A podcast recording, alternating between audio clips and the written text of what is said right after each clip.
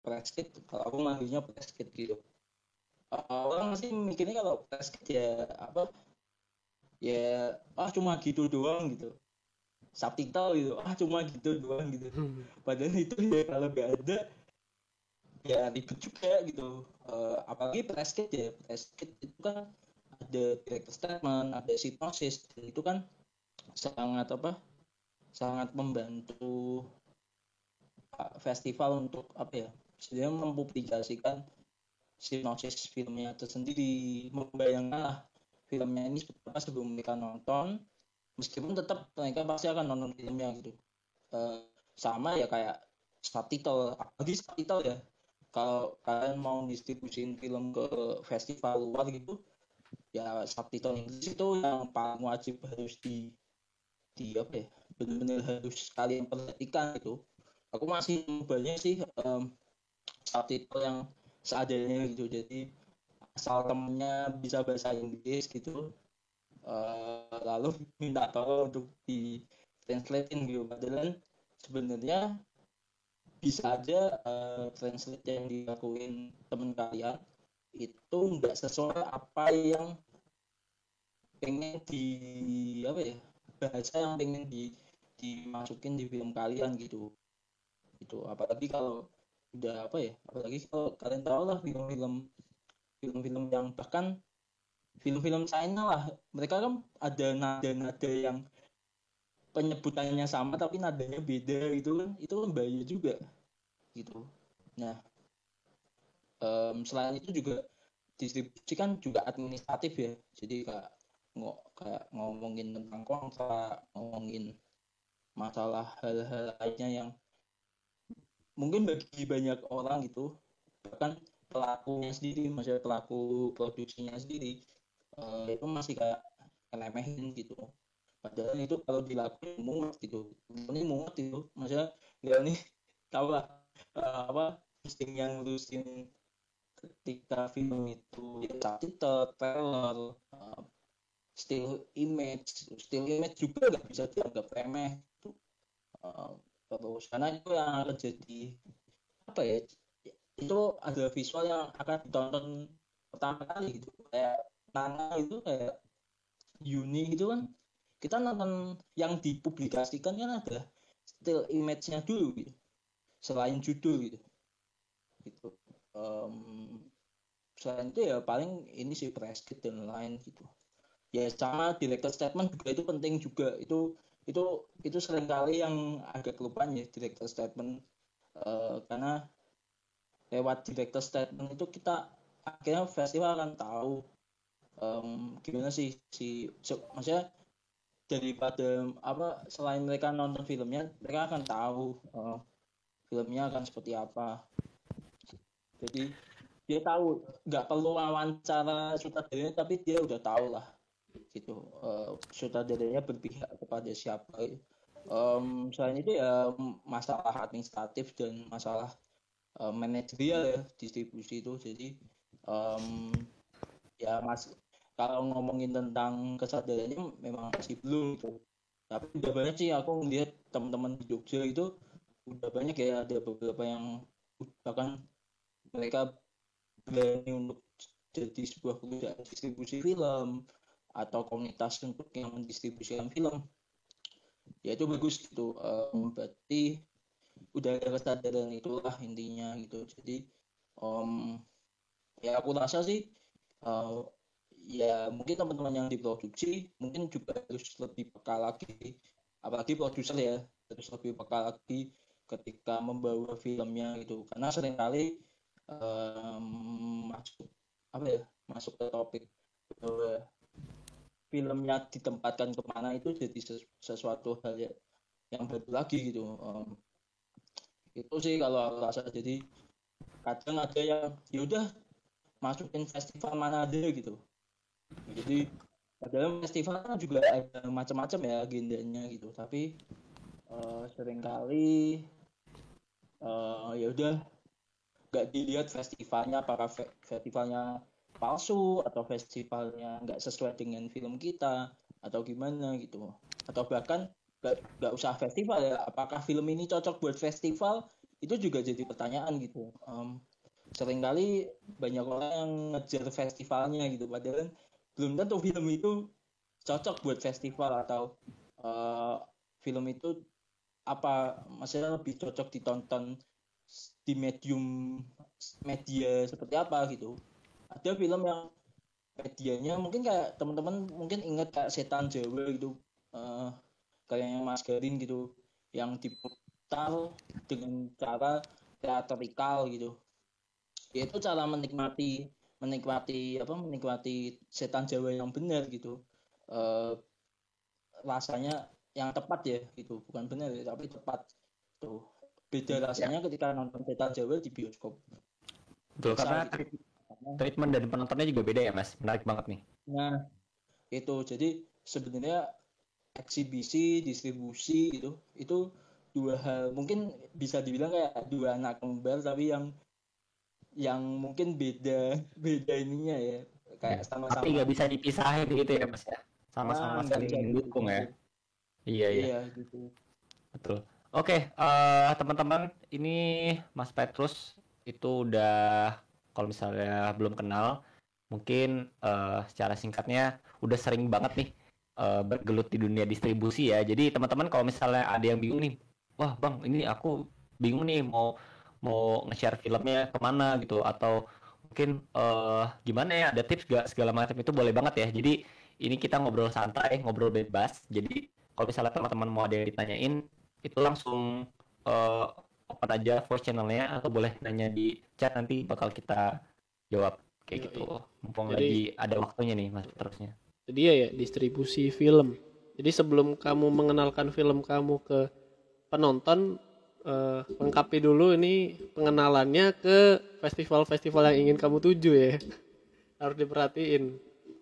Benar benar, benar. Karena nggak ternyata nggak sembarangan juga ya iya. istilahnya iya. kayak kita mau bikin film benar sih istilahnya uh, untuk first step tuh bagus ya. Wah aku pengen bikin film.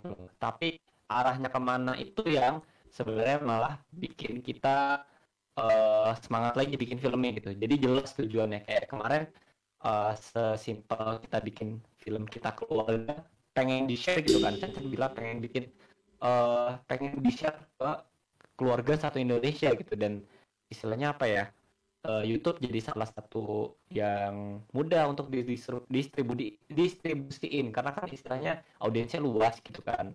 Dan bisa diakses secara lebih mudah dibandingkan dengan festival yang mungkin hmm. agak sulit secara akses ya kayak gitu.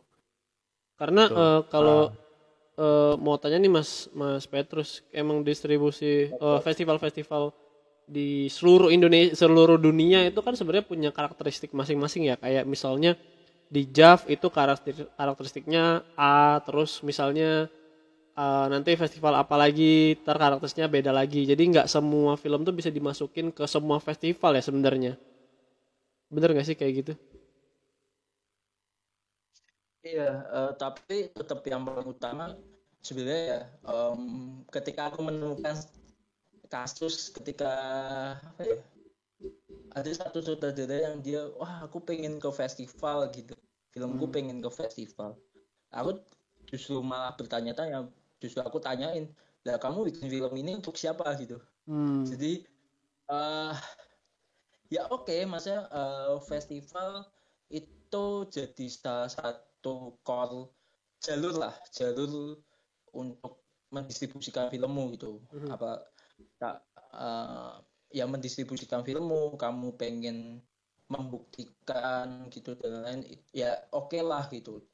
Tapi lagi-lagi balik ke core utamanya adalah kamu mau bikin film ini untuk siapa? gitu. Um, um, itu yang terjadi misalkan ya kayak aku mendistribusikan film yang memang ini nggak cocok deh kayaknya di festival film gitu. Um, misalkan film ini memang fokus untuk misalkan membela sesuatu hal atau ngomongin isu sesuatu hal itu yang hmm. uh, oke okay, gak apa-apa dicoba aja di festival gitu. Uh, apakah ini misalkan contohnya tentang yang paling dekat sama kita intinya um, sesuatu hal yang mungkin masih tabu buat kita. Terus kita pengen ini ngomong bahwa film ini ngomongin sesuatu yang tabu bagi orang lain terus kita pengen film ini untuk jadi suara. Salah satu suara dan salah satu jalurnya festival film itu nggak apa-apa gitu. Tapi selain festival film kan ada pemutaran alternatif ada bahkan pemutaran di kampus-kampus gitu. Nah, itu yang mungkin bahkan ke OTT gitu. Kayak mungkin tadi teman-teman tadi cerita gitu uh, ada satu film yang tentang yang pengen diberikan lewat uh, ingin ditonton semua keluarga di Indonesia. Dan kita tahu bahwa YouTube adalah salah satu uh, platform yang tepat karena dia friendly banget. Makanya uh, bisa dicek siapa aja bisa ditonton siapa aja tanpa beribet-ibet gitu. Ya itu bagus gitu. Kan sering kali ada tuh yang bilang kayak uh, wah filmnya udah di YouTube gitu atau ah filmnya udah udah udah di uh, gitu misalkan tuh ya nggak salah juga kalau yeah. memang film itu memang di YouTube karena memang tujuan pembuatnya adalah film ini bisa ditonton keluarga se Indonesia dan YouTube adalah salah satu jalur distribusi yang tepat gitu. Justru aneh ketika misalkan oke okay, aku ingin buat film tentang keluarga tapi cara nontonnya aja nggak bisa diakses dengan gampang sama para para target audiensnya gitu. Makanya ketika sebelum mendistribusikan film biasanya ya uh, kalau aku biasanya sharing sama Leoni gitu uh, sama teman sama Chantan juga um, waktu itu ada kurun juga biasanya aku pakai metode yang paling gampang yaitu ya menentukan target penontonnya siapa lalu um, apa target penonton lalu positioningnya filmnya kita tuh seperti apa? Tuh pakai pakai apa ya? Pakai formula marketing lah gitu. Jadi um, tadi penontonnya kita tuh siapa sih? Usia siapa usia berapa? Atau geografisnya seperti apa? Jalan gitu. Dan tapi yang penting yaitu biar nanti ya apa yang formula yang kita bikin ini bisa mengakomodasi apa yang diinginkan pembuat filmnya sutradaranya produser gitu. Itu teman-teman yang terlibat di produksi gitu. Jadi um, aku rasa itu sih. Jadi um, misalkan ya oke okay, film ini misalkan pengen membawa sesuatu hal yang jarang dibahas gitu. Dan festival film jadi salah satu hal menjadi apa ya? Menjadi alat buat mereka ber speak up tentang hal ini ya enggak nggak apa-apa gitu. Uh, tapi kan ada pemutaran film pemutaran film alternatif ya uh, di komunitas-komunitas gitu uh, atau misalkan di apa di beberapa kampus gitu. Misalkan filmnya tentang pelecehan seksual tapi diputarnya di um, tempat-tempat lembaga-lembaga uh, perempuan atau lembaga-lembaga. Bahkan lembaga-lembaga yang memang fokus di melawan tentang kekerasan seksual itu malah justru lebih impactful gitu. Itu lebih berdampak bagi teman-teman yang menjadi korban gitu daripada masuk ke festival film gitu. Mm-hmm. festival film itu ya jadi salah satu alat lah. Jadi sebenarnya distribusi film kan selalu ngomongin gimana ke festival film gimana ke festival film. Itu uh, sebenarnya ya nggak cuma festival film ada macam-macam ada bahkan ya? YouTube juga salah satu platform distribusi gitu. Online lah gitu. Uh, lalu bahkan ada sekarang ada Netflix dan lain gitu. Uh, makanya menurutku ya pintar-pintarnya juga pintar-pintarnya teman-teman um, melihat bahwa kembali lagi bahwa oke okay, ini film untuk siapa dan lebih jalur distribusi yang lebih berdampak bagi kita penontonnya itu seperti apa gitu. Oke okay, kalau si film oke. Okay, tapi apa? Di bawah itu apa? Jadi nggak cuma nih ah filmku nggak keterima di festival ini terus habis itu ya udah nggak didaftarin di mana-mana gitu. Ya eman-eman juga gitu. Yeah. makanya visiku adalah biasanya uh, jangan sampai lah. Aku aku tuh kadang sedih ketika ngelihat filmmaker yang filmnya dihabis saja gitu. Atau apa uh, bahkan dia nggak berani untuk menontonkan filmnya gitu. Hmm. jadi padahal kan kembali lagi bahwa ya terus kamu bikin film untuk siapa gitu. Kayak gitu kan. Jadi, betul betul betul. itu sih kalau aku ngerasa kayak apa selain teman-teman juga harus peka terhadap bahwa oke okay, distribusi ini salah satu ekosistem yang paling penting tapi juga um, juga tahu bagaimana menyikapi distribusi film ini gitu gitu sih kalau kalau aku gitu sederhananya gitu Nah, menarik banget nih ya. Jadi tuh uh, teman-teman dengerin nih. Kalau ini apa ya istilahnya film tuh harus ketemu sama audiensnya gitu loh. Jadi bukan bertemu dengan harddisk kalian aja gitu loh. Dan ini nggak cuman aku yang ngomong ya. Betul ini Mas Petrus nih yang sering distribusiin. Dan istilahnya apa ya?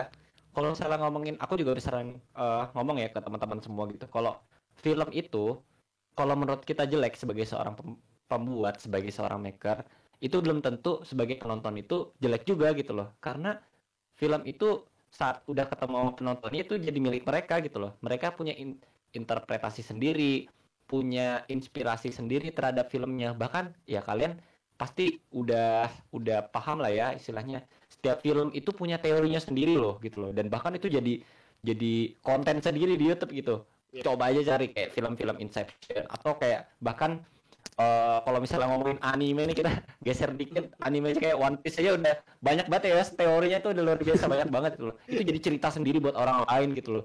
Jadi istilahnya apa ya universe itu sangat luas banget. Jadi kalau misalnya ada teman-teman yang sampai sekarang 2022 ini bulan Februari masih belum sharing karya kalian sharing lah mulai dari sekarang gitu loh. Bergerak di mana aja karena uh, istilahnya apa ya platformnya udah banyak jadi sesuaikan dengan tujuan kamu buat film itu apa. Kalau misalnya nggak ada tujuannya gimana bang?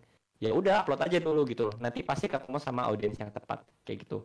Kasih ke upload ke uh, platform yang bisa menjangkau banyak orang kayak gitu. Dan bisa diakses oleh banyak orang kayak gitu sih. Nah mungkin ini teman-teman ada yang mau bertanya atau mau nanggepin mumpung kita masih ada waktu nih boleh banget nih mau ngebahas tentang distribusi atau boleh curhat mungkin bang. Ini kemarin aku lagi bikin film nggak tahu nih gimana ya aku nggak ngerti distribusi gimana. Soalnya aku cuma pengen filmnya tuh di diputar di kelas aja gitu loh. Ini mungkin oh. buat memantik ya aku mau uh, ada yang mau share karya. ada yang mau share betul, terus betul, bilang ini share, kita filmnya bisa didistribusiin ke mana ya? Gitu. Nah itu boleh banget boleh banget bisa banget sih. Itu nggak apa-apa ya istilahnya uh, apa ya mungkin kita bisa ngasih insight satu sama lain gitu. Wah ini kayaknya cocok di sini cocok di situ gitu loh. Kayak gitu itu menarik banget. Nanti mungkin bisa di share di uh, ruang mana? Ruang share karya ya? Iya bahas karya. Betul betul banget. Nah ini mungkin buat pemantik teman-teman ya aku juga mau cerita sedikit nih. Dulu zaman aku SMK itu istilahnya apa ya aku dulu masih belum mengenal yang namanya distribusi film belum tahu ada ya sebenarnya tahu ada festival film karena uh, sempat dulu uh, pas kelas 11 tuh aku diajak ada salah satu event di Bogor. Itu tuh ada pemutaran film gitu film pendek kalau nggak salah uh, eh, FFDD Festival Film Bandung. Kalau nggak salah ya itu diputar. Film pendek dari Jawa Barat. Dan aku kaget sih karena istilahnya apa ya aku suka banget film terus ketemu sama film dari satu daerah gitu itu tuh kayak membuka referensi aku wah gila ternyata ada ada yang bisa bikin film kayak gini ya gitu loh. Aku lupa judul judul filmnya apa yang menarik banget itu. Film horor lah kok masalah dan aku tuh jadi tergerak wah aku harus bikin film kayak gini nih. Karena pas aku nonton aku itu tuh dapat banget horornya dapat banget kagetnya gitu. Dan istilahnya apa ya dari nonton film itu aku dapat inspirasi baru gitu karena aku sebagai seorang penonton juga punya interpretasi sendiri terhadap filmnya gitu loh. Dan uh, aku long short story kelas 12 ada kesempatan untuk bikin film pendek. Aku juga akhirnya coba recreate nih uh, film apa ya istilahnya film pendek horor yang berdasarkan di ceritanya dari situ gitu. Wah ini itu di film pendek itu tuh ada ada vertigo efek segala macam pokoknya aku pengen coba lah explore. Karena ya aku mikirnya juga aku nggak tahu teknisnya segala macam jadi kayaknya nggak takut gitu loh untuk bikin. Aku pengen pokoknya tujuan aku bikin film itu pengen penontonnya itu takut udah itu aja. Karena aku masih nggak paham naskah cara bikinnya kayak gimana segala macam. Tapi aku cukup cukup paham komposisi dan cahaya karena aku cukup uh, aktif di fotografi sebelumnya ya kayak gitu. Dan uh, dulu tuh itu tuh cuman buat tugas tugas kelas doang. Jadi kayak jurusan aku bikin suruh sama gurunya bikin film pendek. Tapi aku tuh maksa ke guru aku gitu loh. Karena aku sayang ngerasanya kayak oh, ini masa ditonton cuma satu kelas doang gitu orang kita bikin bareng-bareng masa ditonton satu kelas doang gitu. Akhirnya aku paksain kan pak ini aku pengen filmnya ditonton sama satu jurusan kita deh kalau misalnya nggak bisa satu sekolah gitu kan. Akhirnya diturutin gitu loh.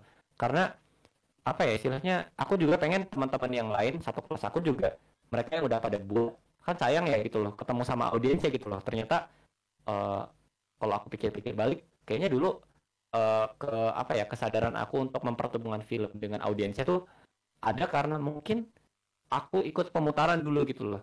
Gimana pas lagi nonton film dapat experience ya kayak gitu-gitu. Jadi uh, aku paksa guru aku untuk ngebuka pemutaran terus akhirnya ditonton sama satu satu jurusan itu dari kelas 10, 11, 12 dan ya itu tuh experience yang paling benar-benar nggak akan bisa aku lupain sih. Karena itu pengalaman pertama aku yang istilahnya uh, film aku tuh diapresiasi banget gitu. Dan tujuan aku tuh tercapai karena mereka semua pada takut gitu loh. Jam sekarang dapet segala macam kayak gitu. Dan itu yang bikin aku tuh nggak nggak pengen berhenti untuk bikin film. Itu sih yang priceless tuh seperti itu. Kayak uh, ada padahal cuma buat tugas loh istilahnya buat tugas. Tapi karena tujuan aku di awal pengen ya buat film biar teman-teman pada takut gitu loh. Biar biar ngerasain lah gimana nih perspektif dari takutnya aku tuh kayak gitu. Dan ternyata dapat ke teman-teman semua.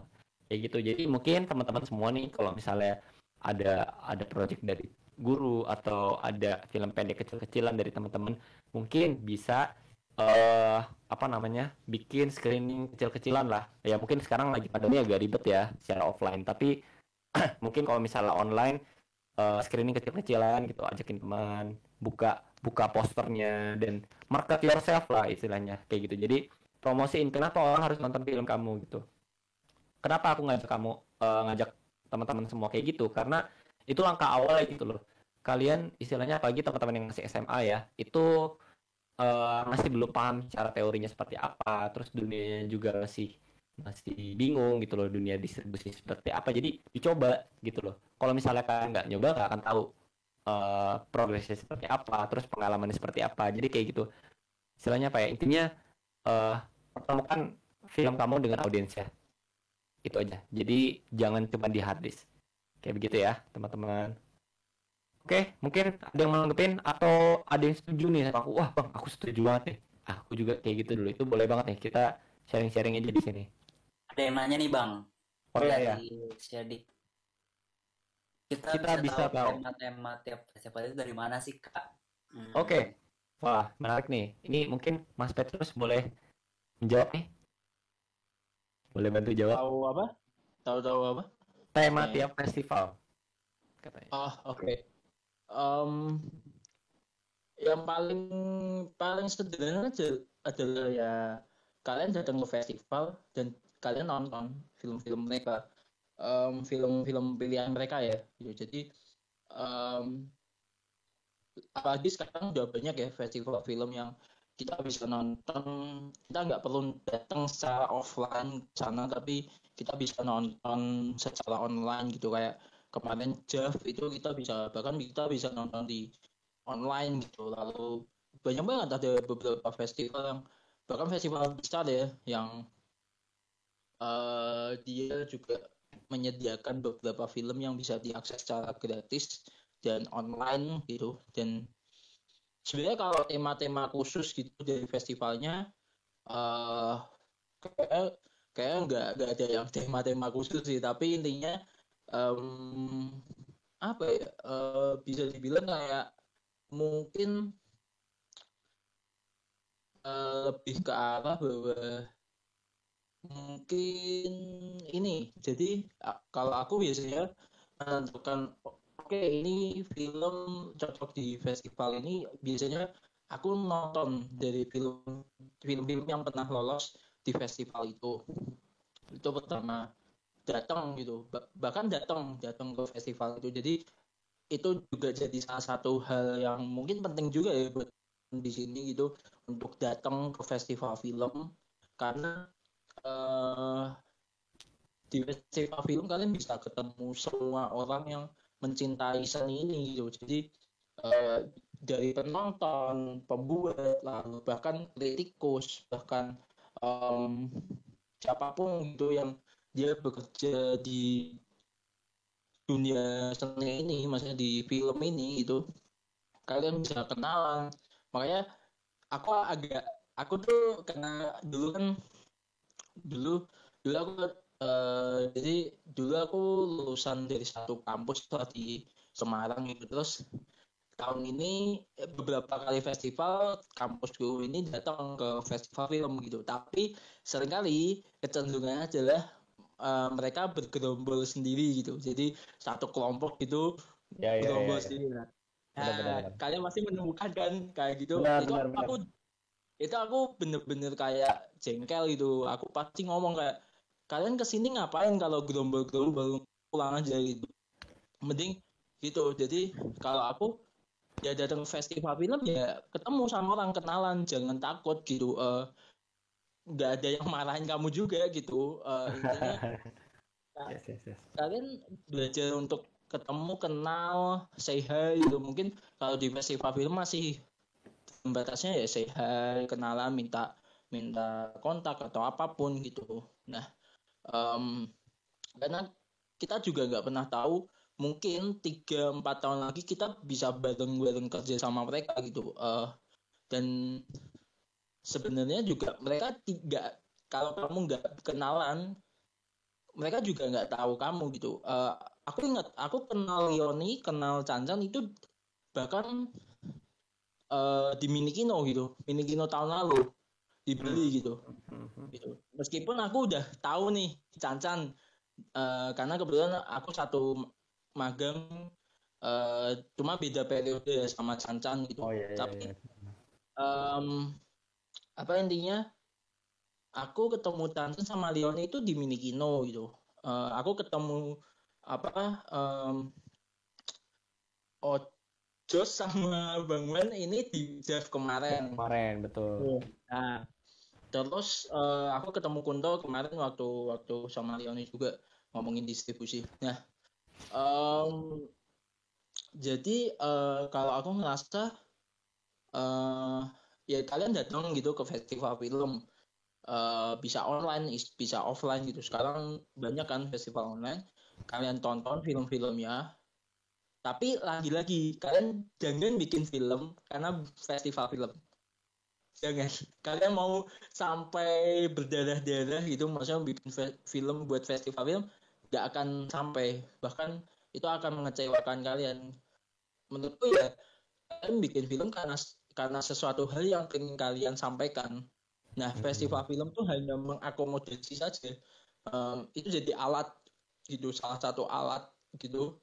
Bahkan kalau film kalian nggak lolos di festival film pun itu nggak masalah gitu. Makanya aku aku nggak pernah apa ya nggak pernah merasa bahwa uh, festival film yang lolos di festival film itu film-film uh, yang oke okay atau apa gitu ya ya itu itu bahkan banyak film-film yang sebenarnya nggak ada di festival film tapi oke okay juga gitu bahkan aku nganggap nggak ada film yang jelek ya tapi film yang nggak yang mungkin belum ketemu temannya kayak yang tadi bilang sama bangunan gitu. Jadi um, aku ngerasa gitu uh, kalau memang pengen pengen oke okay, pengen festival film memang tujuannya pengen uh, mendistribusikan film ini ya tonton film-filmnya. Uh, kalian akan tahu bahwa oke okay, kira-kira uh, festival film ini lebih kecenderungannya ke tema-tema seperti apa dulu gitu. Jadi nggak bisa spesifik sih nggak bisa spesifik gitu. Uh, karena bahkan setiap festival itu mungkin ada kecenderungan bahkan aku sempat dengar waktu itu aku sama Leoni sama sama Cancang aku diceritain sama salah satu uh, kurator lah kurator dari Berlinale um, namanya Kak John ya Kak John dari dulu. Nah dia dia itu kan kurator hmm. Berlinale Berlinale itu setiap tahun hampir sekitar 7000 film yang masuk. Yang submisi ya, yang yang daftar. Tapi yang lolos itu paling cuma berapa? Cuma 30 40 film dari seluruh dunia. Dan contohnya misalkan di, dia kan jadi kurator di Asia Tenggara ya. Dia jadi kurator di Asia Tenggara. Film pendek Asia Tenggara yang daftar ke Berlinale jadi kalau teman-teman nggak tahu Berlinale Berlinale itu kan festival film yang ada di Berlin dan itu salah satu festival film paling Bergengsi ya. besar di dunia. di dunia di dunia betul Ya, gitu. Nah, eh, Big Five lah dia Big Five-nya gitu. Jadi eh, kalau teman-teman pengen tahu ya bentar lagi Berlinale akan mulai Februari ini. Jadi kalau pengen kepo-kepo gitu, pengen tahu Berlinale kayak gimana ya ini saat yang tepat gitu persiapan teman-teman buat kira-kira apa sih Berlinale ini. Nah, em Berlinale ini dan Kak John ini dia jadi kurator yang menerima film-film pendaftaran dari Asia Tenggara. Nah, dia bilang ada sekitar 100 film kalau nggak salah, ada 100 film pendek dari Indonesia, eh, dari Asia Tenggara yang daftar Berlinale setiap tahunnya. Yang lolos itu paling cuma satu bahkan nggak ada. waduh banyak banget ya eh banyak banget dikit banget sorry Iya, saya at least eh, bahkan film kalau film aja mungkin satu dua bahkan apalagi eh, sekarang ya kalau kalau sekarang teman-teman kalau yang pernah nonton Jeff tahun lalu pemenang film terbaiknya Jeff tahun lalu eh, Golden Hanumannya itu yang menang Berlinale tahun lalu. Eh, aku lupa special mention apa apa judulnya Lebau nah em, oh ya jadi tapi emang lagi banyak nih film-film dari Asia Tenggara yang lolos Berlinale gitu. Tapi ya bayangin kalau teman-teman memang dari awal pengen masuk ke festival lalu udah tahu persaingannya kayak gitu. Ya udah akhirnya aja. akan berakhir kecewa Iya, iya, iya. Menurutku menurutku em, ya teman-teman harus mungkin ya eh, teman-teman juga mungkin no- nonton film juga menurutku sebuah keistimewaan gitu. Teman-teman bisa nonton film dan itu jadi referensi kan jadi kayak tadi bangun ngomong dia datang ke festival film gitu lalu nonton film-filmnya gitu dan dia terinspirasi gitu itu kan jadi salah satu hal yang baik gitu. Akhirnya eh, oh oke akhirnya melahirkan sinias baru gitu. Nah aku ngerasa kayak datang ke festival film datang untuk nonton film itu penting banget gitu. Apalagi kalau teman-teman memang pengen berkarir sebagai sineas gitu pengen jadi seorang filmmaker. Entah mau jadi sutradara entah mau jadi editor mau jadi DOP mau jadi distributor mau jadi eksibitor apalagi eksibitor distributor ya nah itu kalau udah festival film harusnya ya distributor sama eksibitor tuh yang riwa-riwi filmmaker tuh maksudnya sutradara tuh mungkin jarang gitu Hmm, pas lagi hari haknya aja mungkin ya mas iya iya iya iya iya. gitu. jadi Oh. Jadi kalau aku ngerasa ya nggak tahu ya mungkin Leone bisa nambahin juga. Eh, kalau aku biasanya kalau satu eh, biasanya aku nyari tantangan sih, nyari tantangan. Kira-kira ini film bisa nggak aku ma- aku coba di festival ini gitu. Jadi aku justru mencoba itu biar apa ya biar oke eh, biar aku tahu justru aku nggak nggak malu-malu kayak ah jangan lah atau eh, nanti aja gitu enggak sih aku lebih kayak oh oke ada satu festival yang kayak menarik nih kalau film kita bisa masuk ke situ Iya iya. ya udah eh, kita daftarin kalau nggak lolos ya nggak apa-apa gitu Hmm. gitu Setidaknya udah coba mas ya. kalau Betul betul betul. kalau buka kalau buka email tuh itu itu isinya setiap hari penolakan film terus Oh, udah banyak banget ya. Iya iya udah iya. ini banget itu udah udah kayak apa ya kayak bahkan kayak chat chat sama chat temen gitu lebih banyak email nggak keterima gitu Penolakan festival film betul banget. Iya iya. iya. email gitu jadi menurutku eh, sebelum kalian pengen film kalian masuk ke festival film kayak sering-sering deh main ke festival film apalagi kalau teman-teman ada di Jogja ya Wah itu Jogja udahlah Wah itu benar. sebuah privilege yang sangat luar biasa ada festival film pelajar Jogja ada ada JAF gitu ada ada John Film Festival Ada ada Heeh, ada FFD gitu jadi teman-teman wah itu privilege banget buat teman-teman yang di Jogja Jawa Tengah gitu Em, karena ya banyak banget dari tahun di Jav kemarin banyak loh yang dari luar kota bela-belaan jadi Jakarta dari Bali dari luar pulau itu datang ke Jav hanya untuk nonton film gitu Benar. menurutku Nonton Ya, film jadi ya. Betul betul betul. banget. Itu penting banget sih kalau aku ngerasa gitu Iya, Gitu. Iya, jadi teman-teman ya, eh untuk yang mungkin belum belum nyoba atau mungkin belum tahu ya festival film kayak gimana, sebenarnya ngapain aja sih dan eh film itu seperti apa dan segala macam itu boleh banget dicari ya. Dan ini buat Syadik ya, Syadik ya kalau nggak salah namanya ya. Maaf kalau salah sebut ya. Kalau ngomong tema festival film ya, intinya kalau misalnya dari Mas Petrus coba ditonton film-film yang pemenang se- sebelumnya atau yang masuk nominasi. Nah itu biasanya sih eh, ditarik aja eh, benang merahnya tuh. Ini mau mau festival film ini tuh kira-kira temanya seperti apa sih gitu loh. Jadi sebenarnya nggak ada variabel tetapnya ya eh, untuk ngomongin tema festival film itu seperti apa. Dan emang harus nontonin film-filmnya sih biar paham ya.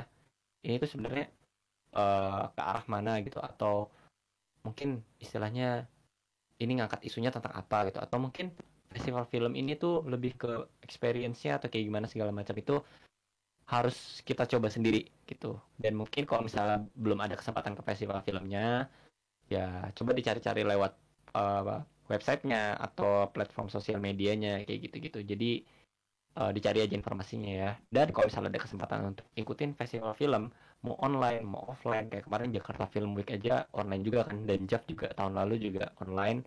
Dan aku nggak tahu ya ini untuk uh, bulan ini apa ya teman-teman ada festival film.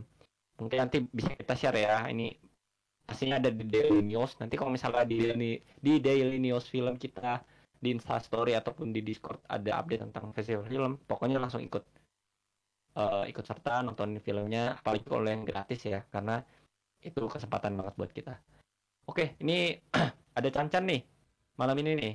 Mungkin mau sharing-sharing. TW Bang Wan mau nambahin. Oh iya, sorry. Oh iya benar-benar. Leon ini mau nambahin nih. mantap Leon nih. Gimana nih, Le? Nggak, tadi bener sih setuju kata Bang Wan. Jadi eh buat nge-track film-film apa aja yang udah pernah masuk ke festival tersebut itu tuh kalian bisa lihat di websitenya. Jadi kalau misalkan JAV itu tuh eh JAV atau Minikino atau kalau eh, Angpau kemarin tuh sempat masuk di festival Bakunawan namanya. Itu tuh jadi mereka punya eh, katalog kan. Nah, katalog itu biasanya bisa diakses di websitenya. Nah, katalog itu tuh memuat film-film, terus ada sinopsisnya juga. Nah, mungkin buat kalian yang kesusahan untuk datang akses ke festivalnya langsung atau mungkin ketinggalan nonton apa festival filmnya secara online, nah kalian tuh bisa baca-baca lewat katalognya itu gitu. Bisa lihat dari sinopsisnya. Jadi kalau katalog biasanya ada judul film, genre-nya apa, terus direkturnya, sinopsis, sama director statement. Nah, dari, dari situ biasanya bisa ketahuan sih. Gitu. Nah, terus biasanya juga di program-program kompetisi festival itu tuh setiap programmer punya catatan programnya. Jadi kayak program ini tuh apa, terus eh, apa yang bikin bikin film-film yang ada di nominasi itu tuh masuk ke program kompetisi itu gitu. Begitu, teman-teman. Oke, nah itu bisa banget ya. Jadi intinya kalau misalnya belum ada kesempatan ke websitenya aja diakses. Pokoknya di situ udah harusnya sih kalau festival filmnya bagus udah jelas ya, Le. Kayak eh, dia tuh ada sectionnya sendiri biasanya. Kayak misalnya milik Kino eh, Film Week ini kemarin tuh yang ketujuh ya nggak salah. Nah ini mungkin yang sekarang ke delapan tapi pengen lihat track yang sebelumnya itu harusnya sih ada ya biasanya kayak second screening juga ada terus eh, apa Jav juga ada gitu jadi tinggal di track aja dan kalau misalnya males ya, ya jangan males lah nggak bisa ya nggak nggak ada nggak ada kata males Gak ya bisa kalau Iya. males. Instagram gitu. Betul di Instagram juga bisa bisa diakses kayak gitu oke ini ada Cancan nih ini Cancan mau saya dulu nih Halo. Halo, halo. halo selamat malam ini saudara Halo. eh, apa travel terus Gongsi gongsi. Iya nih. Terkenyang nih kayaknya. Iya, lihat story-nya Cancan kenyang banget ya. Jalan-jalan terus. Jalan-jalan terus. Gimana Chan? Angpau kemarin film Angpau itu diputar berapa lah? 481 orang kemarin ya. Waduh, ini buat yang udah nonton beruntung banget ya. Kata Leoni bisa diputar di dua bioskop SX1 katanya. Waduh.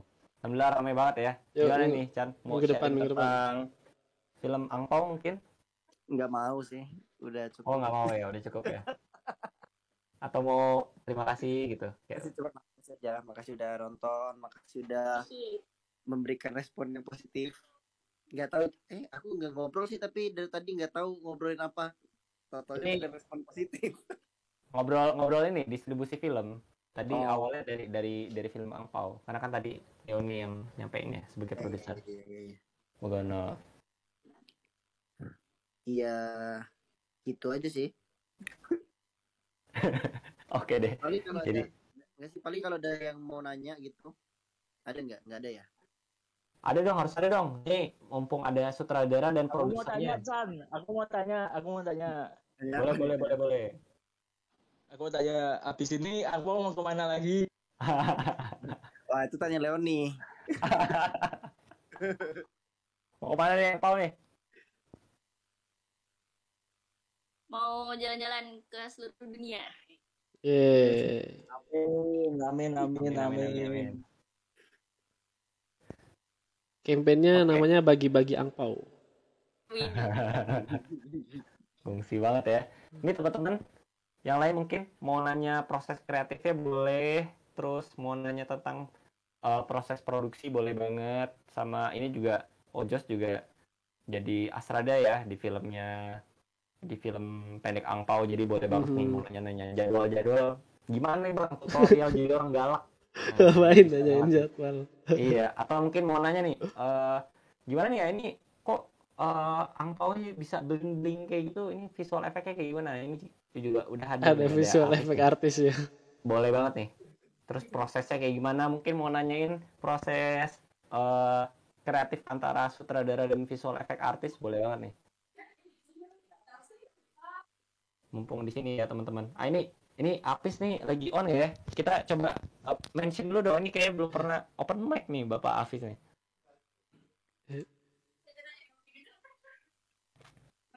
Yes, Wis, Halo, halo. share screen itu ya dong, apa namanya? Timelinenya. Iya, boleh ya? Hilang. waduh, ramai banget ya soalnya. mau Pak. Buat kalian yang nggak mau kena spoiler, jangan jadi visual effect artis ya. Gimana Pis? Prosesnya ribet gak Pis? Kemarin Pis? Proses apa? Angpau, Iya, angpau.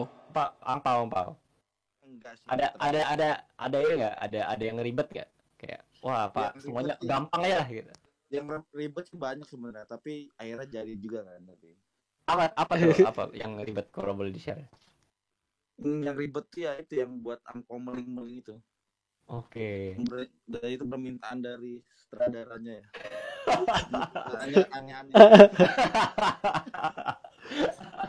Jadi teman-teman Ya, ini ya, ya, ya, ya, Apis ya. nih ini magician film banget ya dia istilahnya kita kalau ada produksi apalagi film atau segala macam lah ini pokoknya ada Apis Jadi, Jadi makin-? Sini aku kenalin dulu Apis. Apis ini Apis ini yang selalu benerin hasil syuting film yang sutradarain dari awal sampai sekarang. Jadi beberapa film itu dia yang bersihin dan Apis ini juga visual efeknya beberapa film yang lumayan terkenal. Film Yuni, terus film science eh science apa? Bio, autobiografinya Makbul Mubarak. Terus dia VFX-nya film Yuni, film Kamila Dini yang baru. Nah, Nana, nah, nah. Nana Before Now and Then Nana terus dia yang lagi kompetisi di Berlinale ini. Tuh, dia hitam hitam hitam. Hitam. Sutradara siapa namanya? Siapa Pis? Sutradara Pis? Siddhartha Tata. yes. Sama Yes, yes, yes. film pendek Mas Dewi yang belum keluar juga. Betul betul. Pokoknya kalau ada tiba-tiba ada pesan eh pesan apa namanya? Nggak heran lah ya tahun ini tiba-tiba ada nominasi visual effect nih temen kita nih satu ini. dipantau aja. Nih. amin amin amin. Iya gitu ya teman-teman. Jadi kalau ini kan kita udah ada di Discord channel. Jadi kalau mau mention nih mau nanya-nanya visual effect bang ini gimana nih bang? Ngilangin ban di gambar ya boleh nih. Ini langsung mention aja orangnya. Ini dia 247 ready depan komputer karena ada banyak kerjaan ya. Jadi langsung mention aja. Orangnya baik banget kok. Santai-santai. Tenang aja. Pasti diajarin nih. Kamu mau belajar apa diajarin? Kayak gitu. Btw aku kayaknya ta- aku tadi ada dengar sedikit sih tentang obrolan distribusi. Aku ya boleh. boleh nambahin nambahin. menambahkan sedikit dari sudut pandangku. Em, tadi kan ada disinggung tentang apa lihat aja beberapa festival gitu kayak lihat beberapa tahun sebelumnya tema-tema filmnya gimana gimana gitu. Nah tapi eh, aku mau menambahkan sedikit nih. Kalau menurutku juga penting banget untuk diskusi. Jadi selain kita nonton film-film yang lolos kita juga penting untuk berdiskusi dengan peserta-peserta yang datang. Karena kemampuan kita dalam menilai atau menarik garis menarik benang merah dari berbagai macam film yang menang itu itu tuh terbatas kemampuan kita untuk menarik benang merahnya. Banyak variabel yang mungkin nggak pernah terpikirkan oleh kita tapi ternyata difikirkan sama orang lain. Misal misal waktu kita ngeliat nih misal kita pengen meneliti film Jav Uh, Oke, aku meneliti film Jav, pemenang Jav misal dari tahun 2010 sampai 2022 eh 2021 gitu. Aku misal meneliti, aku aku tonton semua film-film yang menang. Terus akhirnya aku mendapat kesimpulan, oh ternyata film-film yang menang ini film-film yang gambarnya still semua. Eh, maksudnya jar eh apa ga- gambarnya pelan gitu. Nah, benar, maksudnya bisa jadi itu benar, tapi tidak sepenuhnya tepat. Benar kalau kalau eh, gambar-gambarnya mungkin aku ini aku asal sebut aja Andre. Emang betul mungkin gambar-gambarnya ya eh, pelan apa pacing filmnya. Duh sorry ya kalau bahasanya agak nggak dimengerti nanti tanya aja. Mungkin pacing filmnya agak pelan gitu. Tapi saat kita berdiskusi mungkin orang lain nangkepnya yang beda apalagi dengan latar belakang yang beda. Misal latar belakang dia adalah eh, antropolog gitu. Mungkin dia menilai oh film-film yang menang JAV dari tahun 2010 sampai tahun 2021 itu film-film yang mengangkat isu tentang orang-orang yang dipikirkan. Nah, bisa jadi kayak itu jadi untuk menilai suatu festival dan apa temanya apa dia dia lebih ke mana itu kita harus ngobrol sama banyak orang dari sudut pandang yang berbeda-beda banget. Mungkin kalau misalnya juga sesama filmmaker nih sesama pembawa film si orang yang profesinya sound designer sama orang yang profesinya uh, arsitek, arsitek sama sutradara menilai film itu pasti beda. Dan mereka bakal menarik benang merah yang beda-beda juga tergantung apa ekspertisnya mereka. Itu sih tambahan Oke, menarik nih, karena eh kita nggak bisa memisahkan ya eh eh diskusi dengan film itu nggak bisa dipisahkan ya. Jadi istilahnya benar banget nih, aku setuju banget sama Cancan ya. Eh setiap orang punya pengalaman hidup yang berbeda, punya latar belakang yang berbeda, jadi akan lebih menarik kok misalnya kita menilai suatu film itu dari sudut pandang dan eh kepala yang berbeda lah istilahnya. Karena masing-masing dari kita pasti punya penilaiannya sendiri yang bisa saling mengisi satu sama lain. Kayak gitu. Itu betul. betul. Betul akhirnya betul bisa disimpulkan oh iya ternyata film gini hasil pemikiran 10 orang nih misal dengan latar belakang yang berbeda-beda. Oh ternyata Jeff ini sukanya film-film yang gini gini gini gini gini. Betul betul betul. Tuh. Benar-benar. Itu malah jadi bisa jadi diskusi yang menarik ya istilahnya kalau misalnya mau ternyata oh nih kita mau hunting festival nih. Kayak kita coba pelajari nih festival film ini tuh kayak gimana gitu loh. Setelah nonton filmnya ya dari filmnya sendiri bisa didiskusiin gitu ya. Pengalaman nonton filmnya aja bisa berbeda-beda gitu loh. Apalagi kalau misalnya ngediskusiin satu keseluruhan gitu loh. Dan udah ketemu banyak orang oh tapi menurut dia yang latar belakang yang gini itu fi- film festival ini tuh tentang A loh ini tentang B segala macam. Itu kan lebih asik ya. Dan apa ya istilahnya eh ekosistem sinemanya jadi lebih hidup gitu loh. Nggak nggak cuman ber, nggak berhenti di eh filmnya aja kayak gitu dan itu yang sebenarnya malah dibutuhin ya kayak gitu nanti mungkin menarik ya kalau misalnya kita bisa ajak teman-teman semua nih buat coba bahas dan diskusi film lebih dalam kayak gitu gitu Iya bisa, Iya, bisa, bisa. Kita bahas satu karya tapi yang lain juga ikut nge-review. betul betul karena kemarin kita cuman satu arah doang ya. Iya, oh. Eh, teman-teman eh share filmnya kita nonton kita review kita kasih eh, kritik dan saran tapi mungkin ke depannya kita bisa ngadain sesi diskusi bareng nih nonton Iya. bareng Mhm. diskusi bareng kita coba bedah bareng gitu loh sama kreatornya juga ini gimana ini gimana ini Iya. gimana, segala macam kayak gitu karena wah kayaknya sih asik banget ya nah kita kita udah saya ngomong ya ke teman-teman semua gitu kita dulu zaman awal ngampus tuh eh, diisi awal-awal semester kita bisa diskusi film tuh eh, kayak gini nih dari malam sampai pagi gitu loh dari beneran abis azan isya sampai azan subuh berkumandang kita baru pulang. Itu di angkringan. Karena seseru itu gitu loh. Setelah kita diskusi dan ketemu sama orang-orang yang memang niat dan pengen ngebahas diskusi lebih dalam tuh asik itu seperti itu. Makanya ini eh, walaupun mungkin kita belum belum sesering itu di sini tapi aku harap dan kita semua berharap eh, ruang ini tuh jadi ruang diskusi terus ya buat teman-teman gitu loh. Apa pun mau nanya apa pun mau ngebahas film apa pun itu jadi ruang diskusi yang asik lah buat teman-teman semua. Kayak gitu ya. Oke Oke. ini kebetulan udah setengah sepuluh ya. Udah Iya. satu jam 30 menit. Mungkin kalau misalnya aku boleh Wan, Wan, sedikit. Wan. ada yang mau nambahin? Ya gimana? Sorry. Ada yang nanya Wan, ternyata Wan. oh ya Sadik nih ya dua orang nih. Iya nih. oke boleh dijawab langsung mungkin cerita tentang cashnya dong bang. Proses sampai cashnya bisa keren banget. Jadi jadi aku syuting film ini di Jogja dan aku eh kami aku terutama sama Leoni produser awalnya sempat kesulitan untuk nyari pemeran pemerannya karena di Jogja itu nyari orang Chinese susah banget. Kalaupun ada orang Chinese itu banyak yang gak bisa acting. Terus ak- tambah lagi eh, di naskah itu harus berbahasa Palembang. Karena filmnya kan latar belakang keluarga keluarga Chinese Palembang gitu kan. Jadi akhirnya kami kesulitan kami coba casting gitu beberapa kali dan wah ini nggak sesuai kriteria nggak sesuai kriteria. Ada yang oke banget tapi logatnya mendok banget gitu gitulah jadi lumayan susah Eh, sampai akhirnya karena yang dikejar di film ini adalah look jadi ada beberapa film beberapa film tiap film itu kan beda. Ada yang dikejar looknya ada yang dikejar kemampuan aktingnya nggak peduli ganteng cantik fisik gimana yang penting kemampuan aktingnya oke. Nah kalau di film ini kebetulan yang dicari banget adalah look.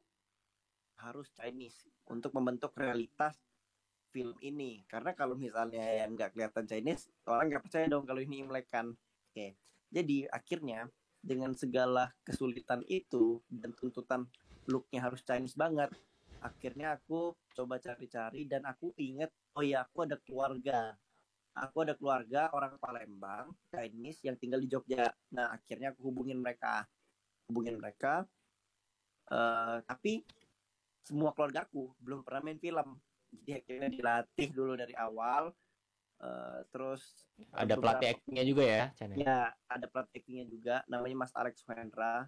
Dia acting coachnya film Doremi NU juga.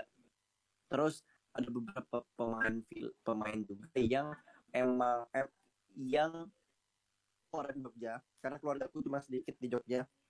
Tapi akhirnya aku cari orang Jogja yang looknya oke dan akhirnya aku ngelatih dia acting plus ngelatih dia logat Palembang. Nah aku ngelatih dia bahasa Palembang itu bareng Ojos karena dia orang Palembang juga bareng aku. Jadi beberapa kali proses reading Ojos ikut juga untuk itu apa ngajarin logat Palembang eh bahasa Palembang. Gitu sih. Terus sisanya seperti seperti sisanya kayak biasa aja. Kayak ya reading berapa kali gitu. Lumayan susah juga readingnya karena non aktor dan harus belajar bahasa Palembang. Itu lumayan susah. Tapi semuanya lancar kok sampai selesai. Karena banyak yang bantu juga. Begitu Syadi gitu ya. Jadi ada banyak terlibat banyak orang nih dan kolaborasi kurang lebih seperti itu. Betul. Oke ini Fajar nih Chan nanyain tentang skrip nih. Bang kalau mau nyoba mulai bikin film kan harus mulai dari nulis skripnya. Lah saat mencoba nulis skrip itu kan selalu aja ya bang. Masalahnya jadi selalu nggak jadi-jadi. Oke. Nah kalau mau nyobanya mulai ingin langsung coba eksebisi dari skrip atau scene dari film lain gitu cari skrip pementahannya ada nggak bang? Hmm, ada ini pernah dibahas kan ya iya iya benar-benar Iya. oh. ada kok ada kok ada banyak Joshua pernah kirim linknya Kalau nggak aku pernah share eh, aduh, tar, tar aku cari deh ini scroll ya scroll. Iya, ntar up aku up lagi. bebas sama Yosua jadi Oke. kayaknya ada ada akun Instagramnya mah ada Mm. Instagramnya yang ngebahas nge-create ini scene dari filmnya sama Iya.